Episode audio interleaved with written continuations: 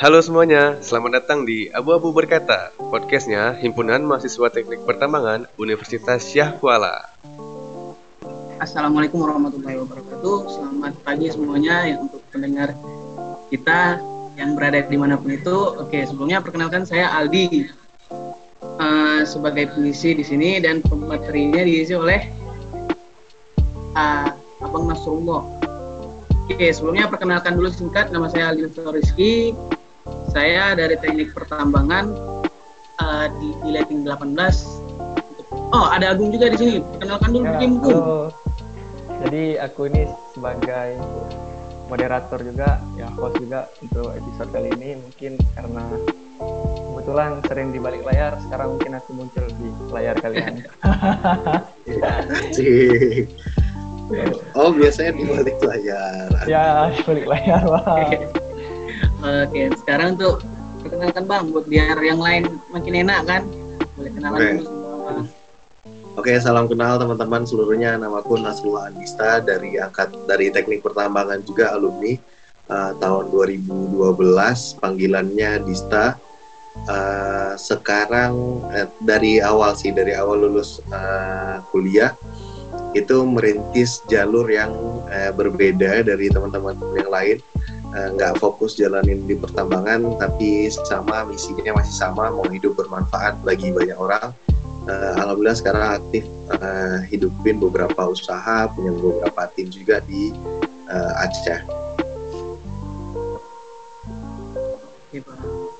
Jadi gini nih ya kan kan kita mau mengetahui seluk beluk abang udah sejauh mana nih tapi sebelum kita jauh ke depan mending kita balik dulu ke awal kan. Misalnya kayak abang dari himpunan itu gimana uh, okay. kuliahan itu gimana biar kita tahu serunya gimana bang dulu kan apalagi okay. abang nih pembuka lah ibaratnya pintu utama sebelum sebelum kami bisa yeah. masuk gitu. oke okay. kalau cerita soal kuliah uh, itu dulu ya betul abang angkatan pertama pertama banget waktu unciah dirintis waktu masih semua orang masih punya bapak belum punya pengalaman uh, mau bangun pertambangan ini kayak apa uh, beda sama teman-teman yang di angkatan sekarang. Mungkin kalian lebih sedikit. Dulu angkatan abang tuh sekitar 97 orang kalau nggak salah abang ya. Yang aktif tuh sekitar 97 orang. Uh, kita satu angkatan lumayan cukup rame. Uh, di tahap awal uh, teknik pertambangan dulu tuh uh, kita masih dijadiin apa ya anak jurusan lah. Kita sama-sama dikelola sama uh, mesin waktu itu. Sehingga tambang mesin waktu itu kita adanya di uh, bukan pun gedung yang sekarang. Adanya di di area teknik kimia. Ah adanya dulu di teknik kimia terus uh, join uh, lebih sering di uh, gedung teknik yang dasar. Uh, pernah di RKO juga. Pokoknya ya kelasnya majority sering di sana gitu uh, bedanya waktu pas kalian uh, sekarang mungkin beberapa yang kalian jalani ini udah terbentuk programnya. Uh, dulu waktu pas uh, tahap awal kami yang mendirikan kami yang uh, menginisiasikan. Termasuk nama hantam itu uh, abang yang pilihin. Terus ada kalau kalian sekarang tahu salam pertambangan Uh, itu abang core lab pertama, abang orang yang uh, mendeliver pertama cara salam tambang tuh di pertambangan kayak gimana, sama pokoknya segala macam lah di awal. Waktu di awal dulu dari awal banget tambang berdiri sampai abang lulus, abang core lab tiap tahun, tiap tahun core lab sampai uh, lulus. Uh, dulu di himpunan uh, dari awal abang ngurusin uh, ketua humas jadi berjaring sama divisi lain sama kampus sama orang di luar tuh abang. Yang dari dulu sih basicnya abang tuh ada di uh, berjaring sama uh, banyak orang. Kuliah uh, sama kayak kalian uh, tapi alhamdulillah abang karena apa ya uh, bukan karena pintar tapi waktu itu abang lagi nggak punya banyak uang. Sambil kuliah abang harus sambil kerja. Hmm, jadi nggak punya pilihan untuk main-main terlalu lama waktu kuliah Eh, terpaksa abang harus lulus lebih cepat. Alhamdulillah jadi lulusan pertama. Kalau dicek sekarang skripsi abang pertama juga di pertambangan uh, sama bang Tadwin. Uh, itu lulusan betul perdana dan kumlot juga alhamdulillah sih. Abang selesai 2016 dan selesai 2016 memang abang tahu bahwa uh, kayaknya saingan dengan teman-teman tambang di seluruh Indonesia atau abang belum mampu masih butiran debu lah. Saingan sama anak onsianya sendiri pun kayaknya abang nggak terlalu cukup oke okay banget lah. Jadi abang memilih jalur yang berbeda. Karena abang suka uh, marketing abang suka human development uh, sehari harinya memang abang fokus sendiri di sana. Sambil kuliah itu juga abang kerja dulu uh, jadi sales motor uh, jualan mobil jualan rumah juga gitu gitulah sambil banyak lah kegiatan abang uh, aktif di banyak organisasi juga uh, di dalam kampus di luar kampus uh, ngisi training di, hampir hampir berapa puluhan titik mungkin di Aceh abang udah pernah ngisi keluar masuk kampus sekolah juga. Terus waktu selesai lulus abang ngambil di bank masuk ke bank abang masuk ke bank karena waktu itu niat abang memang mau usaha uh, abang masuk ke bank uh, karena apa karena di bank ini uh, kita bisa lihat laporan keuangan seluruh perusahaan semua perusahaan-perusahaan besar itu berjejaring sama bank. Jadi orang yang jualan obat, orang yang jualan rumah, orang yang jualan semen, jualan uh, ciki, tisu, kertas segala macam tuh berjejaring sama bank. Jadi abang masuk ke bank, abang pengen tahu uh, gimana sih keuntungannya kalau jualan obat, keuntungan kalau jualan segala macam lah. Abang pelajari itulah di bank. Abang gabung manajemen development program, ngurusin uh, bisnis Maybank di segmen komersial 15 sampai 450 miliar. Uh, abang ngurus seluruh Indonesia secara tim kurang lebih 5 triliun abang memegang seluruh Indonesia. Uh, Alhamdulillah dapat penghargaan di Maybank uh, seluruh Indonesia, uh, terpilih best employee. Uh, terus juga abang sempat dapat penghargaan di Maybank Internasional uh, dari 22 negara Maybank di seluruh dunia. Abang terpilih salah satu best employee di uh, Maybank dunia. Ditawarin pindah ke Singapura ke Kuala Lumpur tapi abang waktu itu mikir uh, rasanya abang niat mau ganti jalur rezeki.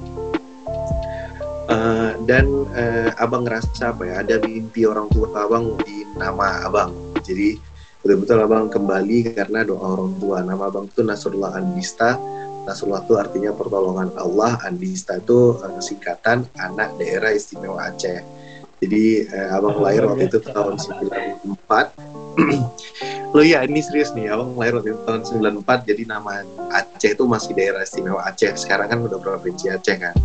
Jadi eh, mungkin karena apa ya eh, doa orang tua juga akhirnya abang pulang mengabdi di Aceh buka usaha. Sekarang eh, salah satu usaha yang paling eh, besar yang kita jalani masif itu juragan properti kita bergerak secara grup sama sama teman-teman. Teknik pertambangan juga ada Bang Tadwin sama Bang eh, Bogi bertiga di perusahaan di luar itu uh, karyawan-karyawan abang tuh tim-tim juragan properti rata-rata dari Usia juga dan dari uh, UIN uh, karena niatnya uh, mau membangkitkan anak muda Aceh seluruh karyawan di manajemen perusahaan itu bang rekrut anak muda semua umur di bawah 26 di bawah 27 uh, kecuali itu kak kalau tukang yang menyesuaikan skill alhamdulillah hari ini satu tahun berdiri juragan properti udah punya uh, ratusan tim. Kita punya freelance marketer hampir 600-an di seluruh Aceh.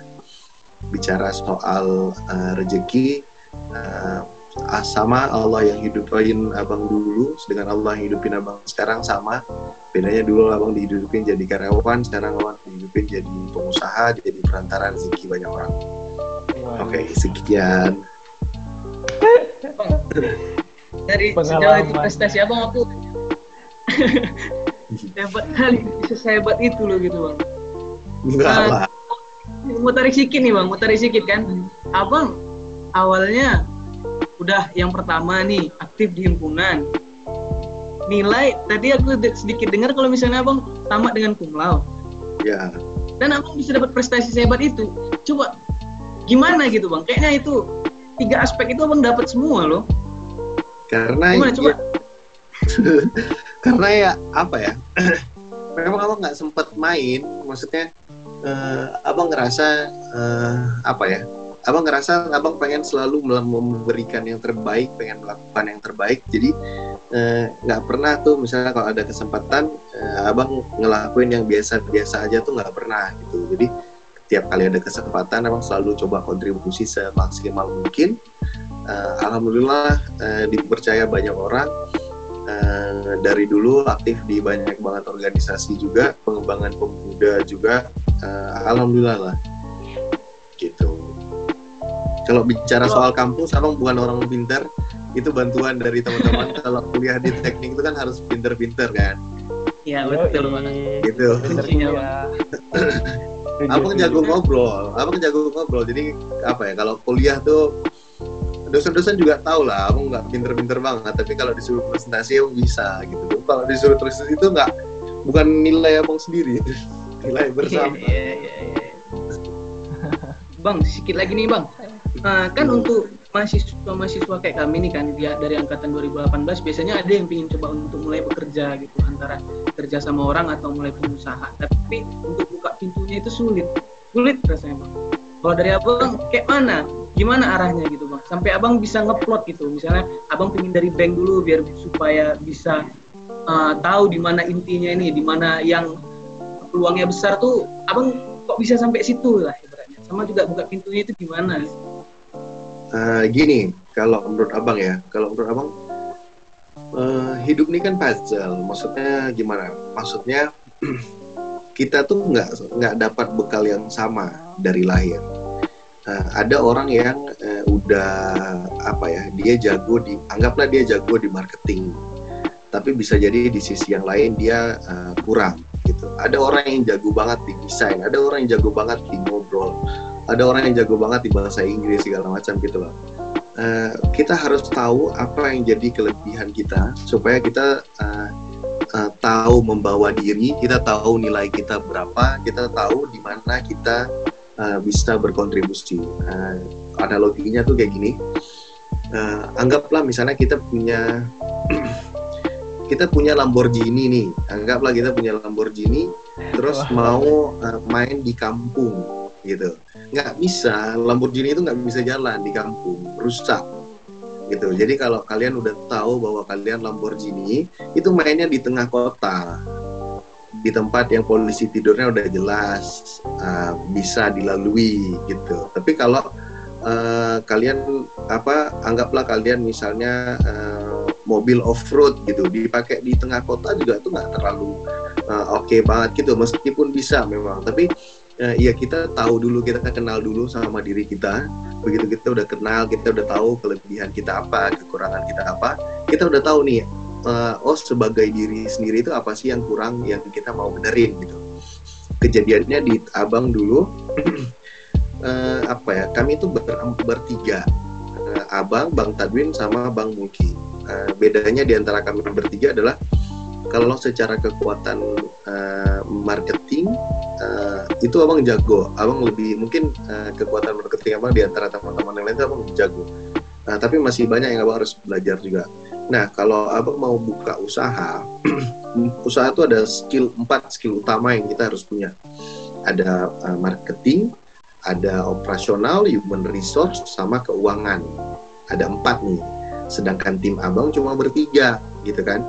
Jadi kan nggak cukup kan? Uh, keuangan tuh kita udah percaya sama Bang Tadwin. Jadi Bang Tadwin tuh emang sambil kuliah dia belajar saham sambil kuliah dia belajar laporan keuangan segala macam nah keuangan dihandle Bang Tadwin operasional itu dihandle sama Bang Mulki.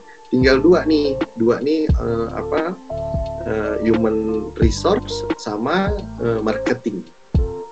Nah abang uh, ambil nih abang take control yang dua nih. Human resource tuh uh, abang belajar dari banyak organisasi abang gabung di organisasi gimana cara mengembangkan diri gimana cara mengembangkan orang lain mengembangkan karyawan segala macam marketing nih abang belajar uh, lagi. Kalau abang cuma mau jualan gantungan kunci harga belas ribu puluh ribu mungkin abang nggak perlu banyak belajar. Tapi begitu abang mau naik di bisnis ratusan juta miliaran triliunan itu butuh lebih dari sekedar skill uh, untuk untuk bisa survive gitu. Makanya abang belajar lagi gitu. Nah eh, abang ngelirik di antara tempat marketing yang paling banyak kita harus belajar tuh dan bisa belajar di mana? Ya di bank gitu. Makanya abang oke okay, aku masuk ke bank. Gitu. Kalian juga harus tahu lebih dan kurangnya kalian tuh apa. Jadi kalian tahu mau mana gitu. Nggak cuma sekedar ikut jalur doang. Anggap misalnya ya bisa juga abang kerja di dinas perhubungan. Tapi ya enggak nggak nyambung sama mimpi abang nggak nyambung sama strategi abang nggak nyambung sama kurang lebihnya abang kan. Gitu. Jadi kalau kita udah tahu kurang lebihnya kita apa kita tahu mau ke mana gitu. Berarti kesimpulannya harus menempatkan diri kita juga ya bang ya? Ya mana kita mana kita mau masa depan kita kita harus duduk sama orang yang pingin sama punya eh yang pingin punya Ya. masa depan sama dengan kita. Ya ya dan porsi manusia tuh beda-beda tiap pribadi. porsi ya betul. Ya itu. Aku beda sih, bekal ya. beda bekal. Karena kan orang ini bekalnya nggak semua sama kan? Uh-uh. sama harus visioner juga. Dari yang harus masuk. Perbankan itu out of the box sekali bang. Nggak nggak nggak nangkep rasanya gitu. Bisa sampai ke situ. Ya gitu sih. Abang karena ngerasa ya kayak mana ya? Eh, di bank di bank kita belajar semuanya. Coba lah perhatiin orang bank kan. Orang bank tuh semua bisnis kerja sama sama bank. Dan orang bank ini harus bisa jualin apa aja. Mereka tuh rapi mereka terstruktur mereka disiplin sipil yang paling disiplin di dunia nih selain apa di luar militer lah. Itu ya orang bank. Gitu. Jadi abang masuk ke bank karena itu karena abang ngerasa ya bank tempat abang bisa menempa diri. Masuk lagi bang. Kalau Gitu. misalnya dari seluruh pekerjaan yang abang jalani waktu kuliah yang paling eh, membekas bagi abang apa bang? Paling berbekas? Eh jadi sales motor. Kenapa ya itu bang? Kenapa tuh bang? Kebayang dong sales motor kan? Sales motor yang jangan kirain sales motor yang keren yang pakai dasi segala nggak nggak kayak gitu nih. Sales motor yang pakai kan ada tuh yang bawa brosur yang warna pink warna kuning ditulis kecil Ya, ada tahu, tulisan. Tahu tahu tahu. Nah, jadi jadi apa ya? Abang tuh abang abang tuh di hidup tuh banyak strategi gitu loh orangnya. jadi abang kenapa masuk di eh, motor? Karena gini. Waktu abang kuliah, gak ada satupun di angkatan abang atau kalau kawan yang abang kenal tuh jualan motor. Jadi kalau abang masuk kerja jualan motor, otomatis seluruh traffic terhadap kebutuhan motor itu akan masuk lewat abang. Ya dong ya kan? Karena nggak ada yang kerja di motor nih. Cuma abang yang kerja di motor jadi semua orang akan hubungi abang kalau kerja motor. Di Aceh itu tiap tahun ada 10.000 ribu paling kurang penerimaan siswa mahasiswa. Semua orang butuh motor ya kan? Betul semua orang butuh motor. Jadi eh, abang ngerasa yo ini peluangnya besar gitu. Dan abang tuh orangnya agak dulu tuh malu jaim. Jaim Nah, karena kan kalau sebarin motor nih kita masuk ke warkop masuk ke pasar pasar jumpa ibu-ibu ketok-ketok rumah. Itu malu. Siapa yang nggak malu coba kan dilihat sama cewek cantik. Ada nih cewek cantik lihat kan? Aduh bang abang di jualan motor pak kan malu gitu kan? Ya betul bang. Betul betul betul. Tapi apa ya abang ngerasa memang eh, kalau abang mau jadi orang besar abang harus buang. Malu. Abang tuh abang harus buang. Eh, bodoh amat. Bodoh amat. Orang mau bilang kayak apa eh, bodoh amat. Eh, abang eh, hidup untuk diri abang. Abang hidup mau memberikan lebih ke orang lain jadi betul-betul niat abang waktu itu kerja motor karena abang mau buang rasa malu abang gitu Eh, kerja di level yang bawah sekali eh, nulis brosur eh, sebarin ke pasar-pasar. Sampai banyak orang-orang eh, kenal abang maksudnya sampai sekarang mereka masih ingat abang tuh jualan motor dulu. Nah, abang mulailah cari tahu. Terus abang ngerasa gini motor ini kan jadi kebutuhan dasar di Aceh kan? Dan abang lihat gini di Aceh kalau kita mau usaha kita harus ikut di eh, mana kelas ekonomi paling banyak. Kelas ekonomi paling banyak di Aceh itu menengah ke bawah. Dan semua menengah ke bawah itu naik motor. Kalau abang mau masuk ke kehidupan mereka, belajar bagaimana mereka mengambil keputusan, bagaimana mereka apa keputusan membeli mereka, kemampuan keuangan mereka, ya abang harus punya produk yang mereka eh, terbuka dengan itu bicara sama abang. Akhirnya abang masuklah jualan motor nih. Kenapa? Karena ya abang masuk ke semua orang akhirnya. Nah, masuklah abang mulailah menjalani eh, jualan motor tuh eh, sedih banget lah, susah. Eh, tebak gaji abang berapa?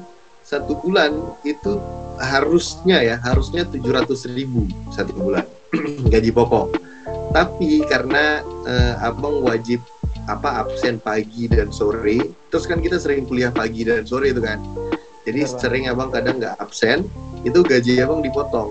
Eh, dipotong-potong akhirnya bulan pertama tuh dua ratus ribu doang abang terima gaji. Walau kerjanya eh, kerjanya kayak mau mati dah. Kerja ya bulan pertama rumah. datang ke rumah rumah dan malu malu sekali loh itu malu sekali loh. Eh, abang kerja 200 ribu. Waktu itu a- tapi abang nggak nyerah. Waktu itu abang ngerasa eh, yo kan niat abang masuk ke eh, kerja ini dan abang memang mau belajar semester 2 kuliah. Abang kerja tuh semester 2 kuliah. Eh, abis itu udah abang mulai pelajari eh, gimana sebenarnya cara jualan motor. Jadi waktu pas abang masuk ke pasar-pasar itu eh, abang pergi nih jumpa sama ibu A Nah, abang kan kerjanya di Honda. Kalau teman-teman tahu tuh sekarang di samping KFC dia di Banda Aceh tuh di samping KFC Lamnyong kantornya. Dulu Iya. bukan di situ tapi eh, dulu di seberangnya di Kaca Raya di situ lah kantornya. Itu eh, abang jumpa sama ibu-ibu. Ah, eh, bu, eh, saya mau nawarin Honda nih bu, ada Honda Vario gitu gitulah. Enggak, saya maunya Mio, boleh nggak Mio? Mio kan bukan Honda, kan? Kan? Udah beda saya merek di. Honda bu saya kan kerjanya di Honda bu. Nggak bisa. Nah habis itu kan abang mulailah berpikir oh ternyata eh, kebutuhan di masyarakat tuh beda-beda. Nggak bisa nih kita keras banget. Oh aku kerja di Honda dan mau jualin Honda doang. Nggak bisa. Gitu. mulailah abang berpikir oh ternyata di eh, harusnya di Yamaha tuh ada juga orang kayak abang. Iya dong. Yo. ya kan? Di Ah. Suzuki harusnya ada juga orang yang kerja kayak abang. Tinggal abang berjejaring aja sama mereka. Jadi udahlah uh, abang pergi deketin mereka berjejaring eh, mulai sekarang gue jualin nih eh, motor lu. Kalau laku di lu gue ngambil bonusnya. Eh, kalau laku di lu ada orang butuh Honda lu kasihin ke gue ntar eh, lu ambil bonusnya gitu gitulah udah deal dealan. Oke fix Nah, terus abang mulai lagi masuk ke eh, pasar-pasar masuk pasar-pasar ada ibu bu eh, apa bang saya mau eh, mio boleh nggak? Ada ada ada ada nih Mio. Ada lah abang jualin. Akhirnya eh, abang udah nggak cuma jualin eh, Honda doang abang jualin Mio abang jualin eh, Suzuki juga segala macam lah waktu itu. Berangkat dari bisa jualin motor abang eh, apa ketemu lagi nongkrong di warung kopi agak lebih besar. Itu eh, apa abang ketemu sama orang yang eh, dek ada mobil nggak? Mobil Brio. Dia kirain kalau sales gitu bisa jualin semuanya. Jadi kan abang waktu itu udah nggak canggung lagi. Oke harusnya di mobil di dealer mobil itu juga ada orang kayak abang ya kan? Ya. pergi dong abang ke dealer dealer nih pergi ke dealer. "Ah, bos kita kenalan. Nah, kalau laku mobil gua ngambil bonusnya eh, ntar pencapaian buat lo gitu. Nah, akhirnya abang jualin mobil Eh, ke mana-mana abang udah bisa jualin motor jualin mobil jualin rumah jualin tanah. Masuklah abang di segmen itu. Eh, selesai itu dari dulu awalnya gaji emang cuma 200 ribu satu bulan. Eh, di tahap-tahap akhir tuh abang udah nggak perlu lagi kerja keliling pasar-pasar. Kenapa? Karena abang udah main sama orang-orang yang punya warung kopi. Bang abang sebarin aja nih eh, brosurku. Nanti kalau ada orang butuh abang telepon aja ke aku abang dapat sekian aku dapat sekian kita bagi dua. Gitu. Jadi abang udah nggak kerja lagi nih abang tinggal tunggu terima telepon aja. Sampai akhirnya eh, abang ngasilin eh, satu bulan kurang lebih waktu itu sekitar 9 jutaan. Masih kuliah. Dari eh, VV jual mobil jual motor jual segala macam. Mulailah abang masuk ke dunia yang lebih serius ya karena abang kan ngerasa aduh kayaknya di matahari terus nih nggak keren. Ya nggak keren.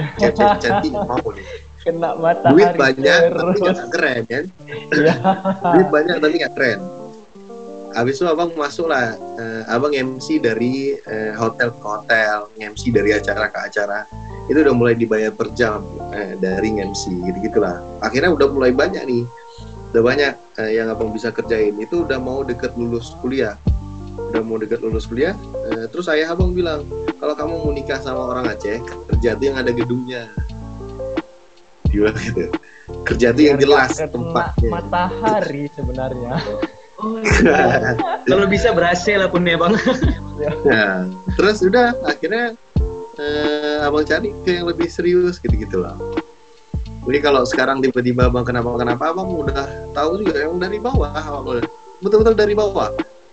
Nggak ada tuh misalnya tiba-tiba muncul jadi keren nggak kayak gitu yang dari bawah sekali ya bro ada step by stepnya bang ya. hmm, pelan-pelan Gitu. pelan Pelan-pelan tapi pasti. perjuangannya dari perjuangannya terasa keliling keliling keliling tebalin muka Iya. Saat jadi kayak Toki sekarang malu loh waktu itu kan malu Ya. kan nah ceritanya kenapa abang bisa deket sama teman abang yang abang usaha sekarang? Waktu abang nggak ada uang waktu itu memang betul-betul nggak ada uang ya? Ini kalian jangan bayangin kita masih punya uang satu juta bisa bertahan hidup sekian bulan enggak ini memang nggak ada uang nggak ada uang. Waktu itu abang mengadu lah abang ke bang Tanwin ini tapi diupload di YouTube ya apa Ya, emang santai. benar. ini kan bincang Jadi pelajaran juga buat kawan-kawan kita.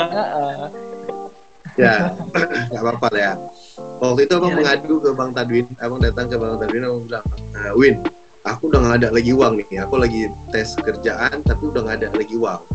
Betul-betul nggak ada lagi uang nih. Terus bang Tadwin bilang seingat abang dia punya 700 ribu waktu itu. Dia sisa 700 ribu lagi.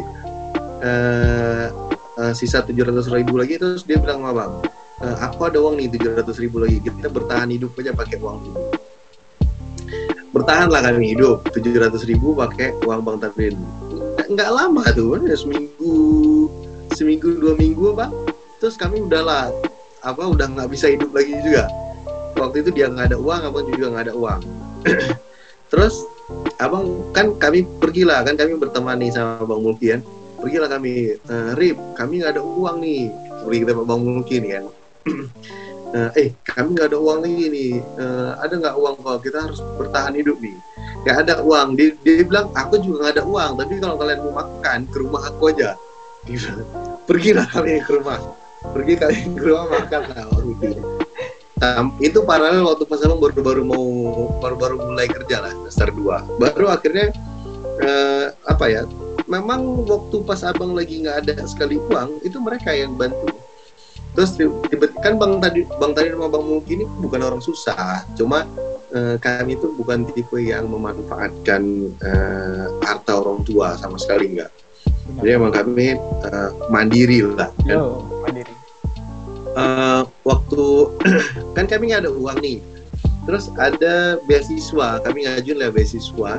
Ngajuin beasiswa eh, namanya TPA tahu nggak kalian? Beasiswa prestasi itu TPA ya tahu bang. Mhm. Beasiswa TPA tuh dapatlah bang Tadwin beasiswa tuh. Seingat abang dua juta seratus apa satu juta tujuh ratus. Eh, dapat uangnya kami beli sepatu eh, outdoor sepatu lapangan pertama. Oke. Bertiga nih kan beli tiga sepatu nih. Tiga sepatu pakai uang beasiswa tuh. Uang beasiswa bang tadi waktu itu kami lah mahasiswa yang pakai sepatu hebat banget. Kalau pergi seminar tuh dong tau kan yang kalau kalau sepatu yang besar besar yang sekarang tuh dulu tuh kami Iya, tahu. pertama beli. Tahu tahu Bang. di teknik yang bahkan kata-kata lain tuh belum pakai kami yang pertama pakai. Sepatu kami waktu itu udah tujuh ratus ribu delapan ratus ribu gitulah satu. Waduh. Jadi waktu itu kami inilah apa taraf hidup kami udah mulai meningkat. Tapi abang udah bisa ngasilin uang kan? Jadi jadi betul-betul karena dari awal kami eh, bawa dari bawah barang-barang sampai sekarang pun ya kami bareng-bareng. Maksudnya jadi jadi kayak mulai tumbuh dan berkembang abang tuh ya udah sama-sama mereka gitu.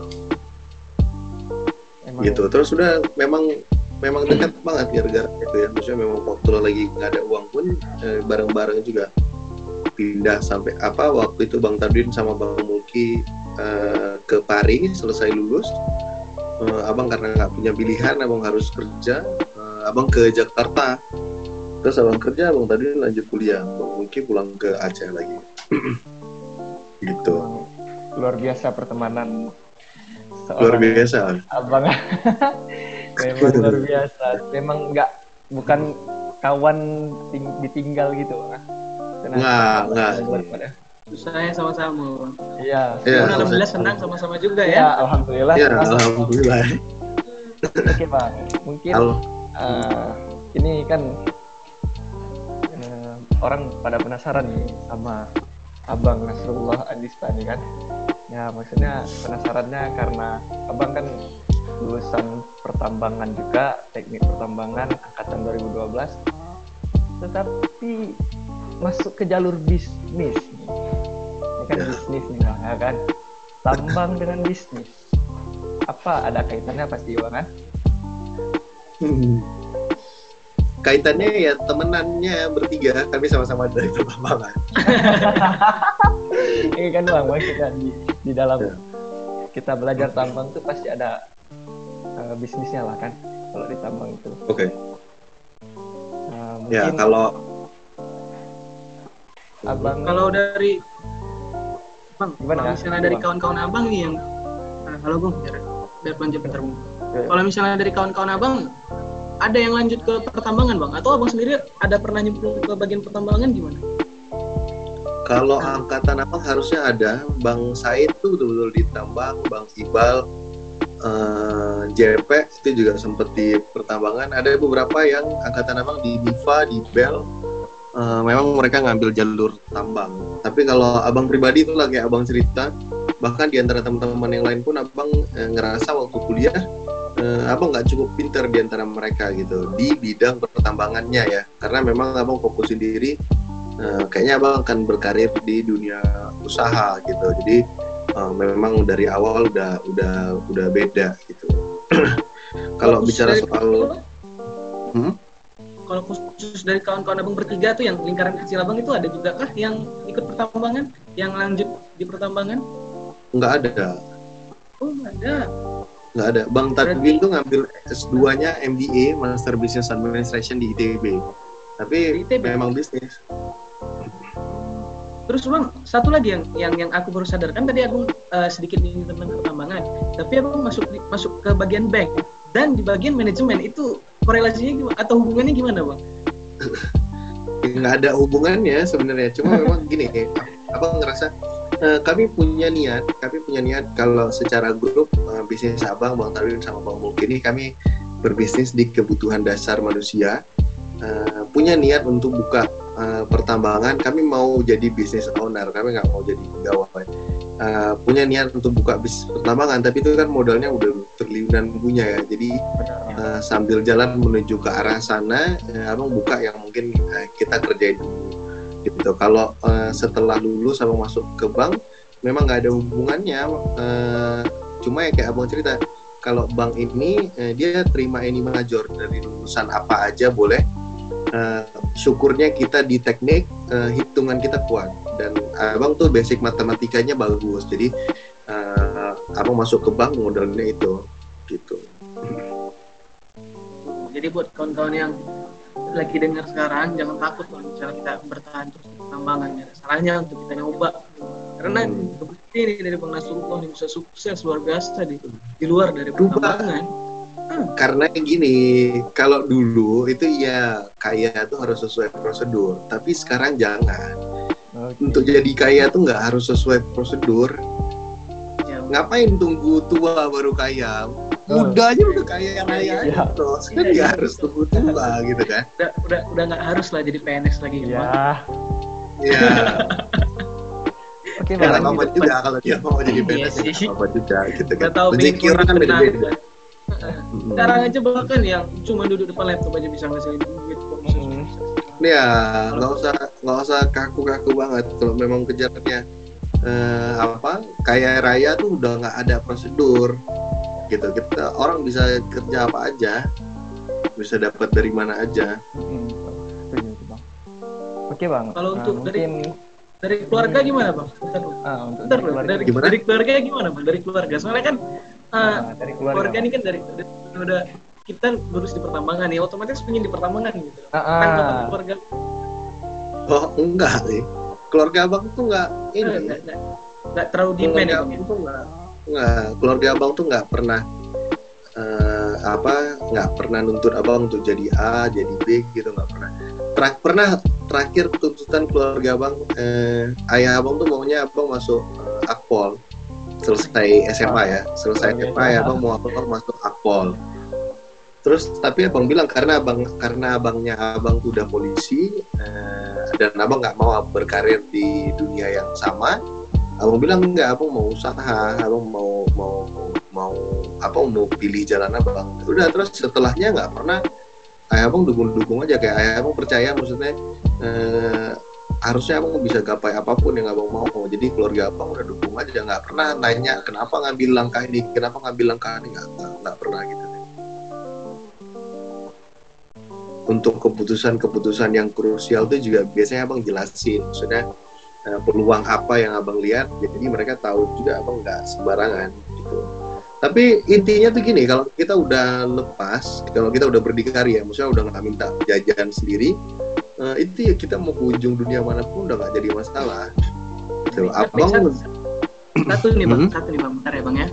Uh, kalau misalnya ada dari kawan-kawan nih kan yang dengar nih misalnya. Dia pingin seperti abang tapi ada dia dia terbatas oleh misalnya dari keluarganya sendiri karena uh, selain email, selain banyak banyak request lah bilangnya kan.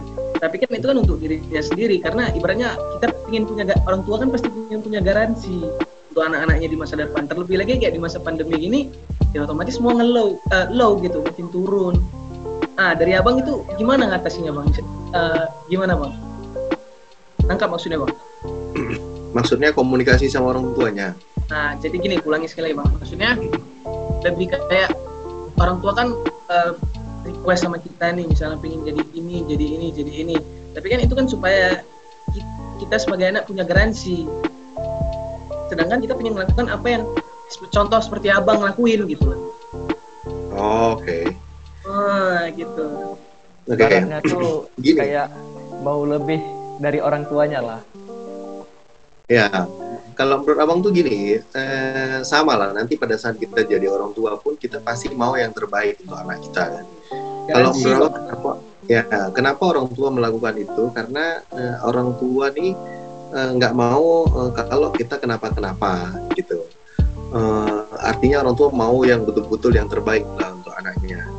Eh, kadang tuh kita punya pemikiran kadang kita punya pemikiran sama rencana hidup kita nih tapi karena kita nggak bisa menjelaskan dengan tepat ke orang tua kita akhirnya beliau ini nggak menerima informasi dengan tepat gitu. Jadi kalau menurut abang uh, orang tua ini uh, ya kita obrolin aja kita obrolin aja anggaplah misalnya orang tua udah punya plan A B C. Kalau kita nggak punya plan lebih bagus dari itu eh, nggak uh, usah coba-coba jalani aja yang orang tua kita minta Eh, karena beliau pasti udah uh, udah pikirin. Tapi kalau kita punya planning yang lebih bagus dari itu dan kita bersedia bertanggung jawab atas hidup kita sendiri, uh, info juga ke orang tua kita bahwa uh, ayah, ibu, uh, kita uh, apa? Saya melihat peluang, saya melihat dunia ini itu dengan cara berbeda gitu. Ada peluang-peluang uh, satu, dua, tiga yang uh, sebenarnya bisa digarap dan saya yakin uh, saya pasti berhasil Nah, terus kalau memang kalau menurut abang, uh, abang pun ngerintis usaha ini nggak seribu pun minta uang sama ayah abang. Jadi uh, kayak mana ya? Kalau memang kita tidak membahayakan keluarga, kita tidak uh, tidak membahayakan orang lain, kalau kita mau bertaruh dengan diri kita sendiri, bertaruh dengan hidup kita sendiri, eh, bahasanya ke orang tua bilang kita nggak akan kita nggak butuh apa-apa. Doa dari mereka itu udah lebih dari cukup. Doa dari mereka itulah yang mengantarkan pintu rezeki untuk kita gitu. Jadi minta doa aja udah. Uh, terus uh, info bilang aja sama orang tua uh, abang tuh sempat sampai ngobrol gini. Sampai ngobrol uh, apa kasih saya kepercayaan uh, abang akan lakukan yang terbaik yang abang bisa lakukan uh, kalaupun kan abang nanti kenapa kenapa abang akan tanggung jawab sama diri abang Nah, sekarang waktunya uh, abang explore karena nanti pada saat abang setelah menikah atau abang segala macam itu udah susah gitu kan. Tapi uh, alhamdulillah akhirnya percaya gitu. Dan sama apa ya? Kayaknya kalau kita terus kalau ide kita matang itu orang bisa gampang percaya gitu dan mudah juga Sema, sekarang termasuk sekarang sama istri abang istri abang lulusan teknik industri sama niat kita mau usaha juga abang nggak nggak bolehin uh, kerja kita niatnya mau usaha bareng-bareng. Gitu. Dan uh, jelas ya terukur. Kita abang pengen jadi pasangan pengusaha lah. Gitu. target bang ya target supaya target ya. pasangan yang pembisnis entrepreneur. Yeah. Oke, mantap, mantap. Oke bang, mungkin ini mungkin orang banyak bertanya-tanya kan. Usaha dan bisnis abang juga. Juragan properti. Apa itu bang juragan properti? Jadi kalau cerita juragan properti ini kan brand propertinya kita. Brandnya sebenarnya juragan. Uh, juragan ini awalnya tuh kita masuk dari properti kenapa? Properti ini putarannya besar. Lewat usaha properti ini uh, apa ya apa ngerasa inilah air terjun dalam usaha kami. Jadi lewat adanya air terjun yang besar atau bisa ngalirin ke banyaknya sungai-sungai kecil. Gitu. Uh, kenapa yang dipilih pertama properti karena itu gitu. Kenapa namanya juragan properti? Uh, kalau mungkin kalian familiar tahu uh, juragan ini itu orang-orang pengusaha besar kaya raya uh, di zaman bahkan uh, era di atasnya orang tua kita lah gitu. orang-orang uh, yang uh, punya banyak sekali harta tapi bukan cuma berguna untuk mereka sendiri. Orang-orang uh, yang hartanya berguna bagi banyak orang orang-orang yang hidupnya berguna bagi banyak orang. Nah spirit itulah yang abang mau menghidupkan kembali gitu. Uh, lewat brand Juragan uh, ejaan lama Joeragan. Uh, sektor pertama yang kita buka nih sekarang properti sempat uh, kita ada uh, konveksi juga di kebutuhan dasar kita main komoditi ekspor apa kopi sama getah pinus juga ada gitu.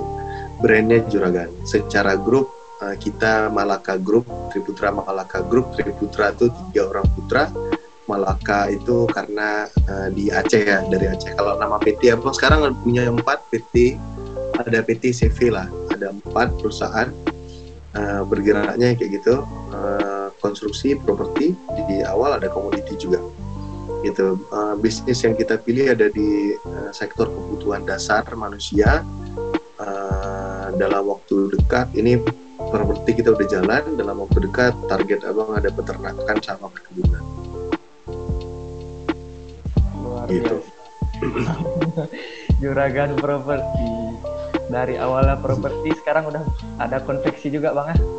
Memang.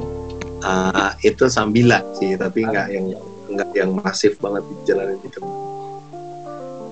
Ada nggak bang?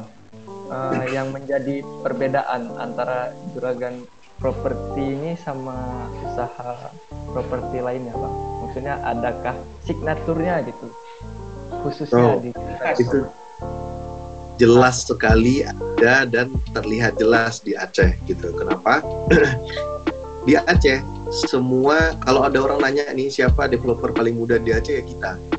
Uh, Juragan Property luar biasa. Iya dong iya dong. Serius, coba ya, sebutin. Ya. ada nggak yang kalian kenal yang sebutin orang dengan bisnis sejenis bangun perumahan di sana sini bisnis konstruksi uh, seumuran abang uh, yang kalian kenal pernah tahu ada? Belum ada nggak ada? Belum kan? Nah, jadi kalau bicara apa yang paling dasar uh, kita developer termuda di Aceh sekarang. Uh, terus kalau bicara soal signature, uh, bedanya kita adalah muda. Semua orang yang lain tuh uh, bisnisnya sekedar bangun rumah. Uh, ada anak-anak muda coba masuk, mereka cuma sekedar memasarkan rumah, uh, marketingin doang gitu. Tapi juragan properti beda. Kita bangun rumah iya, kita punya project sendiri iya, kita masarin rumah orang juga iya, kita renovasi gedung iya, kita renovasi rumah, kita renovasi kantor, kita tanganin seluruh kebutuhan properti dari hulu sampai hilir. Uh, kita main project uh, tempat wudhu iya, konstruksi segala macam ya. Jadi memang dari hulu sampai hilir uh, bisnis properti yang digerakkan oleh anak muda itu cuma juragan properti yang dari hulu sampai hilir ya. Kita nggak cuma bicara soal uh, menjual, kita bicara soal membangun, uh, mendevelop, kita bicara soal memarketingkan juga proyek perumahan. Gitu. Ibaratnya sampai ke akar-akarnya, Bang. ya, ya, sampai ke akar-akar. Sampai ke akar-akarnya. Kalau ini uh, udah udah masih perumahan atau udah sampai ke gedung itu udah mulai, Bang? Kalau uh, gedung tempat wudhu kita udah ngerjain di SIM gerbang masjid kita udah kerjain juga kalau renovasi gedung eh, beberapa kantor di Banda Aceh kita udah mulai jalanin rumah pribadi banyak juga yang kita renovasi segala macam kebutuhan properti ya. Tapi yang sejauh ini yang masih paling banyak itu di bidang perumahan ya bang ya. bangun perumahan. Putaran utama kita dibangun perumahan Kira-kira gitu. proyek tahun ini ada nggak bang profit juragan properti proyek besarnya gitu. Ini kita baru buka baru buka project yang ke-9 alhamdulillah eh, dalam beberapa waktu terakhir kita udah buka project perumahan yang ke-9 Eh, kita baru melaunchingkan produk terbarunya Juragan Properti juga Juragan Kosan Juga. Waduh, luar biasa namanya. Juragan, Jadi kalau- Kawan yang mau pindah kosan bisa hubungi Bang Nasrullah ya. juragan properti. ya. lebih dari sekedar lebih dari sekedar punya kosan apa eh, sewa nyewa kosan eh, kita jualin kosan-kosan banyak orang yang eh, ngira kalau mau bangun kosan itu butuh uang 3 miliaran paling enggak satu tiga miliaran Eh, ini kita mulai jual ketengan kita jual kecil-kecil start 105 juta eh, mereka udah punya bisnis satu kos-kosan gitu kos-kosan yang bangunannya mezanin satu setengah lantai eh, di dalam gitu sih udah semua parkiran itu produk terbarunya juragan properti juragan kosan Mantap bang. Nggak tahu bilang gimana bang kalau misalnya udah mengakar-ngakar untuk proyek terbarunya tuh dengarnya wah juragan kosan udah kayak ya yang di luar-luar sana juga lah. Cuman ini tapi versi lebih Bismillah ya. Bismillah bang, semoga lancar Ya. barokah. Amin ya Allah. Mungkin ini selama ini abang udah menjalankan juragan properti selama berapa tahun bang kiranya? Kalau juragan properti as brand itu eh, hitungannya kita Januari 2020 satu tahun setengah lah kurang lebih ya. Tapi kalau bisnis konstruksi kita udah main sekitar dari 2017 Eh, tiga empat tahunan lah.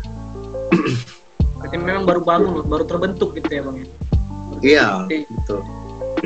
Mungkin Alhamdulillah tapi eh, cepat dapat kepercayaan dari masyarakat Eh, bahkan eh, Unsia lewat eh, anak usahanya tuh juga mulai ikut bantu kita kita ada kerjasama sama koperasi Unsia juga Eh, sekarang kalau eh, dana investasi dari masyarakat Aceh yang kita udah pegang kita kelola dalam waktu eh, beberapa waktu terakhir ini itu kurang lebih satu miliaran sih.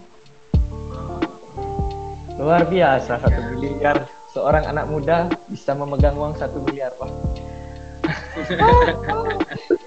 Oke bang, satu mungkin miliar tuh eh, jangan eh apa Agung. Aldi jangan kaget. Satu miliar tuh nggak nggak ada apa-apanya satu miliar satu proyek perumahan yang kita bangun tuh butuh paling kurang kurang lebih tuh range empat setengah sampai tujuh miliar satu proyek yang kita bangun Sampai selesai itu sebesar itu ya bang ya. sampai selesai. sekarang kurang lebih kurang lebih sekarang putaran putaran juragan properti itu 12 setengah miliar lah Alhamdulillah. alhamdulillah ya sangat besar. Oke bang, Makanya buruan 17 dulu. itu udah hebat. Bang. selama Mantep bang menjalankan juragan properti ini, apakah ter- ada kendala gitu? Maksudnya eh, jerih payahnya ataupun ya susahnya itu di mana? hal-hal yang belum disangka gitu. Ah, ah, hal-hal yang tidak disangka itu terjadi. Bang. Tiba-tiba terjadi gitu. Nah, tiba-tiba terjadi. kalau apa ya hidup kita ini kan penuh misteri jadi kalau eh, kalau kita mau dapat sesuatu eh, hasil yang besar kita harus siap juga sama resiko yang besar. Nggak mungkin dong kalau kita mau omsetnya eh, 20 miliar tapi mau bisnisnya anteng-anteng aja kan nggak mungkin kan? Dalam menjalani bisnis ini tuntutan penjara, pidana, tuntutan eh, apa preman segala macem lah. Itu udah udah udah bosan abang udah bosan kalau gitu-gitu sih emang udah bosan tapi abang tahu bahwa kalau kita punya niat baik eh, Allah bersama kita. Jadi pasti kita selalu dijaga. Eh, doa-doa banyak orang. Orang-orang tahu orang-orang sekitar abang orang-orang di luar orang-orang yang mungkin bahkan baru kenal abang pun tahu bahwa eh, kami mau usaha ini bukan untuk memperkaya diri, enggak. Kami mau usaha ini untuk bantu banyak orang, orang-orang tahu seluruhnya dan orang-orang ikut mendoakan. Uh, orang yang menjaga kami jauh lebih banyak daripada orang yang menyakiti kami. Itu selalu jadi uh, motivasi uh, supaya abang bisa menggapai lebih. Dan abang nggak pernah takut sama siapa pun di dunia ini. Abang nggak pernah takut. Jadi abang nggak nggak nggak pernah khawatir kalau tiba-tiba harus kenapa kenapa uh, Allah bersama kami. Allah bersama kita. Luar biasa mental memang mental anak tambang nih. Anak tambang nih iya. Itu ya gue itulah. Alhamdulillah nih sekarang ada beberapa juga lulusan pertambangan yang uh, ikut join sama bang. Sekarang uh, orang logistik sama quality control abang tuh orang pertambangan juga 2013 akhirnya abang ini selain membuka sebuah usaha merekrut adik-adiknya gitu. Emang oh ya dong pasti lah emang suportif gitu bang ah. Membantu saling yeah. mengulur, mengulurkan tangan. Saling bahu membantu. Saling bantu ya. Mantap mantap. Oke bang uh, selain kendala mungkin ini kan yang kita tahu tahun 2020 kemarin itu juga pandemi COVID-19 ya kan? Ya, ya. mungkin usaha propertinya itu bagaimana bisa tetap jalan gitu? Apakah berjalan seperti biasanya atau ada perubahan signifikan antara sebelum pandemi mm, yang membuat penurunan produksi ataupun pemasukannya itu jadi lebih inilah bang stong lebih tinggi lah. Ah. Kalau kalau secara impact pasti tentunya ada impact penyesuaian-penyesuaian di sana sini itu ada. Uh, tapi itulah uh, apa ya berbekal pengalaman itu juga ngomong udah dapat. Uh, tiap kali ada suatu bencana yang kayak gini uh, uh, apa ya abang percaya bahwa uang tuh nggak hilang. Uang tuh dia ada hukum kekekalan uang. Uang tuh dia tidak hilang. Uang itu berpindah dari satu orang ke orang lain enggak karena semua orang di sekarang lagi kehabisan uang terus uang tuh hilang dari dunia ini enggak dia cuma berpindah terkonsentrasi di beberapa orang saja. Gitu jadi bedanya kalau dulu kita jualan pukul rata ke semua orang eh, kita sekarang jualan lebih selektif ke orang-orang yang kira-kira memang punya uang lagi masa kayak gini. Gitu kalau dibilang semua uh, orang turun semua orang turun nggak mungkin uh, bisnis kesehatan naik. Gitu kan uang yang dari dari bisnis-bisnis yang support selama pandemi ini justru uh, naik. Jadi apa ya kalau kita mau usaha nih kita jadinya kreatif. Kita lihat dari sudut pandang yang beda. Uh, uang tuh justru apa uh, kalau kita bisa kelola kita bisa cari yang uh, tepat uh, udah pasti anteng-anteng aja kita jadi apa ya abang nggak mau kita jadi orang yang lemah juga selalu lihatnya dari sisi peluangnya, jangan lihat dari sisi masalah. Gak ada masalah di hidup kita. Tantangan-tantangan kecil aja tuh. Diibaratkannya seperti cobaan ya bang. Allah itu nggak mungkin. Tantangan ya. Tant cobaan kalau itu. cobaan rasanya kayak sedih gitu. Tapi oh. kalau tantangan itu kan kayak challenge. game. Oh ya, kan? challenge. Oke, okay. luar biasa sekali sih emang. Juragan hmm. seperti Salut aku bang, serius. Alhamdulillah ya. Omsetnya udah masih muda loh padahal udah megang uang. Alhamdulillah ya. Miliaran. Wah, gimana di? Udah miliaran di uangnya di. Tapi memang uh, alhamdulillah ya, maksudnya setelah kami usaha juragan properti ini kan emang bertiga. Uh, kami pun menikah dari juragan properti maksudnya bang? Ya, gimana bang? Gak paham nih bang. Kami pun menikah dari juragan properti. Maksudnya juragan properti yang membiayai pernikahan kami. Tahu dong biaya nikah. Tahu dong biaya nikah tuh mahal kan? Iya bang, benar. Biaya nikah kan mahal kan? Udah pasti ratusan ratusan lah, ratusan ratusan ratusan lah gitu kan. gitu. Jadi tapi alhamdulillah uh, kami pun semua rata-rata apa kami semua menikah nih setelah uh, juragan properti berdiri. Juragan properti ini jadi pintu rezeki bagi kami bagi bagi grup bagi usaha bagi orang di sekitar kan bang satu yang baru pikiran nih bang. Nah, Hmm. tadi kan abang bilangnya bertiga nih bang. Hal yang Hmm. pasti itu yang udah pasti terjadi bang. Eh, bukan pasti sebenarnya ada beberapa kejadian misalnya dari aku dari Agung pengen buka juga usaha kayak gitu ada bertiga gimana bang jagain misalnya sampai ada yang bilang harus hitam di atas putih harus ada perjanjian apa segala macam supaya nggak pecah tiga orang itu Oh iya, kalau hitam hitam di atas putih kami em, ada, kami jaga juga, tapi beda. Eh, hubungan yang kami bangun itulah yang tadi abang cerita itu loh. Kami memang betul dari susah, dari susah banget tuh sama-sama. Eh, dompet abang udah artinya dompet bang Tadwin, dompet bang Tadwin artinya dompetnya bang. Mungkin kami udah udah saling tersinergi lah. Eh, lebih dari sekedar hubungan kami saja, Uh, orang tua kami sudah saling kenal, adik-adik mereka sudah seperti adik abang sendiri, uh, abang abang abangnya mereka sudah seperti abangnya abang sendiri. Jadi memang uh, keluarga yang sudah mau apa ya, keluarga yang udah bergabung gitu. Usaha yang kami jalani uh, udah udah di level itu gitu. Dan yang mahal dari kami ini bukan sama sekali juragan propertinya, bukan uang miliarannya, enggak. Yang mahal dari kami ini persahabatan kami itu.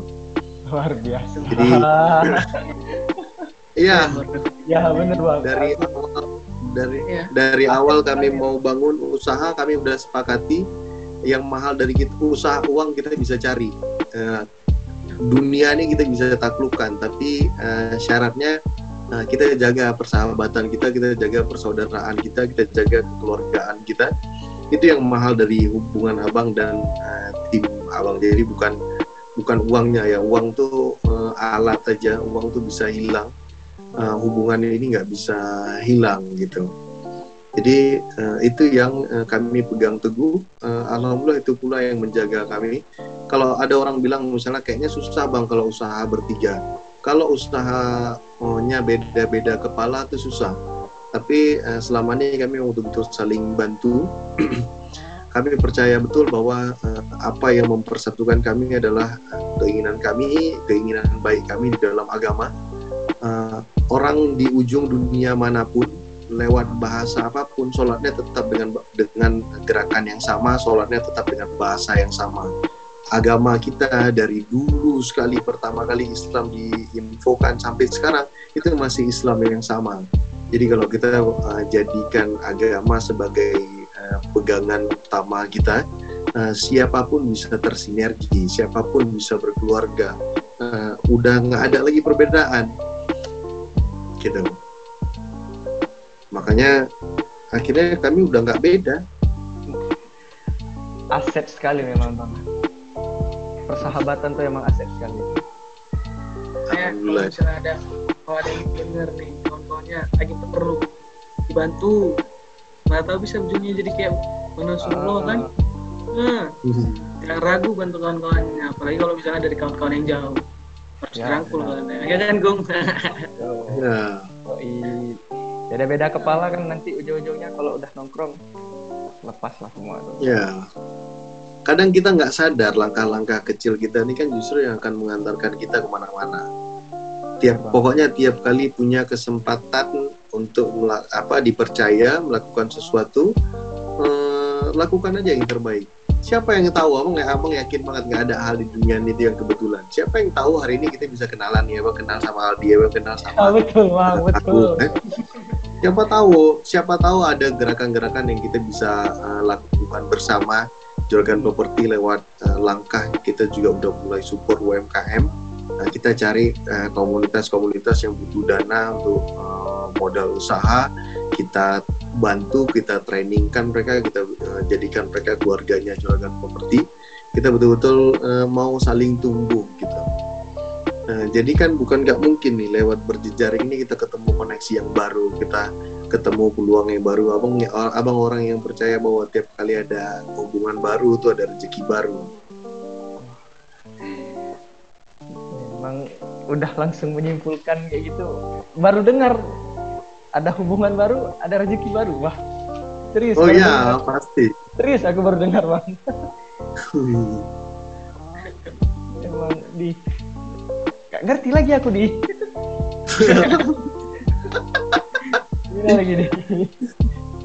iya bang soalnya itu hal yang aneh gitu bang masalahnya orang-orang di umur kita tuh pasti mikir bisnis yang Ah. properti itu harus harus punya uang yang besar Ya. makanya orang jarang masa muda mau main seperti itu lain dari yang lain kalau misalnya lihat Mm-mm.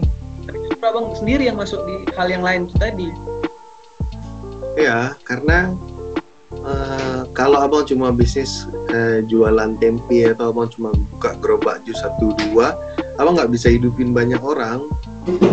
Karena abang mau menggapai lebih, ya abang harus usaha lebih juga kan. Jadi dia ya di dunia ini tuh apa pun kita bisa capai, yang penting kita betul-betul niat. Eh, pasti ada triknya, pasti ada celahnya, pasti ada bantuan untuk kita bisa tiba ke sana. Eh, dan nggak boleh eh, kalau menurut abang ya nggak boleh eh, terbatas sama modal modal tuh bukan cuma sekedar uang jejaring adalah modal koneksi adalah modal Oke, Bang. Koneksi adalah modal. Pegangan erat Ya. kita. ya jejaring kan koneksi itu modal pengaruh lingkar pengaruh kita itu modal kita Oke bang, mungkin eh, sobat abu-abu berkata. Jadi nama podcast kami ini abu-abu berkata ya bang. Bagi mungkin abang yang belum Oke. tahu, namanya abu-abu berkata. Jadi untuk para penonton setia abu-abu berkata, eh, udah dengarlah kisah-kisah bang Distani yang sangat apik, epic, persahabatannya juga luar biasa dan kata-kata barunya, motivasinya tuh, aduh, enak banget. Ya Dian, gimana di? Udah nggak tunggu lagi ya dia. betul bang ya betul bang Hmm. Masih muda. nanti kalau mungkin bang kalau misalnya sepatah dua kata ada yang mau disampaikan buat kawan-kawan bang Eh, apa ya Eh, pesan abang ini harusnya yang nonton pasti anak-anak muda abang mau bilang eh, muda tuh cuma sekali eh, maksimalin Eh, jangan pernah takut sama apa pun karena eh, yang membatasi diri kita itulah isi kecil di dalam kepala kita tapi yang bisa menggapai membuat kita bisa menggapai apa pun itu juga isi di dalam kepala kita nih jadi pinter-pinterlah eh, kelola eh, otak kita, kelola informasi yang kita terima, kelola cara bicara kita. Karena apa? Semua yang baik datangnya dari isi yang baik dalam kepala, isi yang baik dalam hati. Jadi itu yang dijaga. Eh, jangan pernah takut sama sama peluang. Eh, coba dulu aja. Kalau eh, kalau apa kalian batasin diri, akhirnya peluang-peluang besar itu nggak akan pernah muncul nggak akan pernah datang kepada kalian gitu. Jadi kalau mau jadi anak muda jangan jadi yang biasa-biasa aja. Jadi anak muda yang nggak pernah orang bayangin ada ternyata anak muda yang kayak gitu. Jadi yang betul-betul amazing. Jangan cuma jadi juara satu juara dua jadi juara umum tiap harinya kalau bisa. Gitu ya. Jadi juara tiap hari. Jadi juara umum tiap hari, bukan juara satu. Karena lebih dikenal orang juara umum daripada juara satu ya bang. ya. Memang, oke. Aduh, thank you juga nih abang udah dikasih kesempatan. Agung Aldi nanti waktu abang di Aceh kalau memang punya waktu kita uh, Iya. jumpa kalau Sharing-sharing uh, lagi, Bang. mau ke kantor juga uh, boleh sambil lihat khususnya di antara jeda-jeda waktu kuliah daripada cuma sekedar tidur doang di kosan itu lebih bagus berjejaring sama orang-orang Uh, kalau kapan pun kapan pun kalian mau ke kantor mau ke lapangan mau lihat-lihat bang pengen tahu kayak mana cara jalanin usaha bang kayak mana kegiatan abang sehari-hari. Nah, ayo aja abang abang orang yang sangat eh, membuka diri. Eh, info aja eh, kapan pun. Kapan pun kalau kalian butuh bantuan info aja. Jangan nanggap abang orang lain kita satu keluarga lewat keluarga pertama kan. ya jelas sekali. Oke bang, mungkin eh, itulah kata-kata wejangan untuk kita semua para sobat abu-abu berkata yang mungkin yang udah mendengarkan bukan sedikit nih, geng banyak wak. Betul di banyak nih kata-kata cepet. wejangannya. Wah, memang luar biasa yang hari ini. Kalau untuk materi bang kira-kira dari abang pengen siapa lagi bang Ah, atau ada Gimana? saran Ah, misalnya ada ada saran misalnya ah, abang-abangan kita yang dari rating 13 dari rating 14 Hmm. ada bang kenal gitu oh ini kayaknya cocok nih jadi pembicara kira-kira siapa Ini- bang biar kami coba ini depan. nanti dijadiin bagian cuplikan sedikit ya kan nah, Hmm. coming soon-nya itu siapa pembantunya tengok makanya dengerin sampai habis lah abu berkata jangan dengarnya tuh Kalau menurut abang siapa ya? Eh, siapa ya? Pertambangan ya. iya bang boleh Pertambangan eh, tergantung dunianya juga. Eh, Bang Ambia lumayan. Ada Bang siapa yang proses hidupnya udah ini kali. Eh, Fatah, Fatah ada juga. Eh, oh, Bang ini.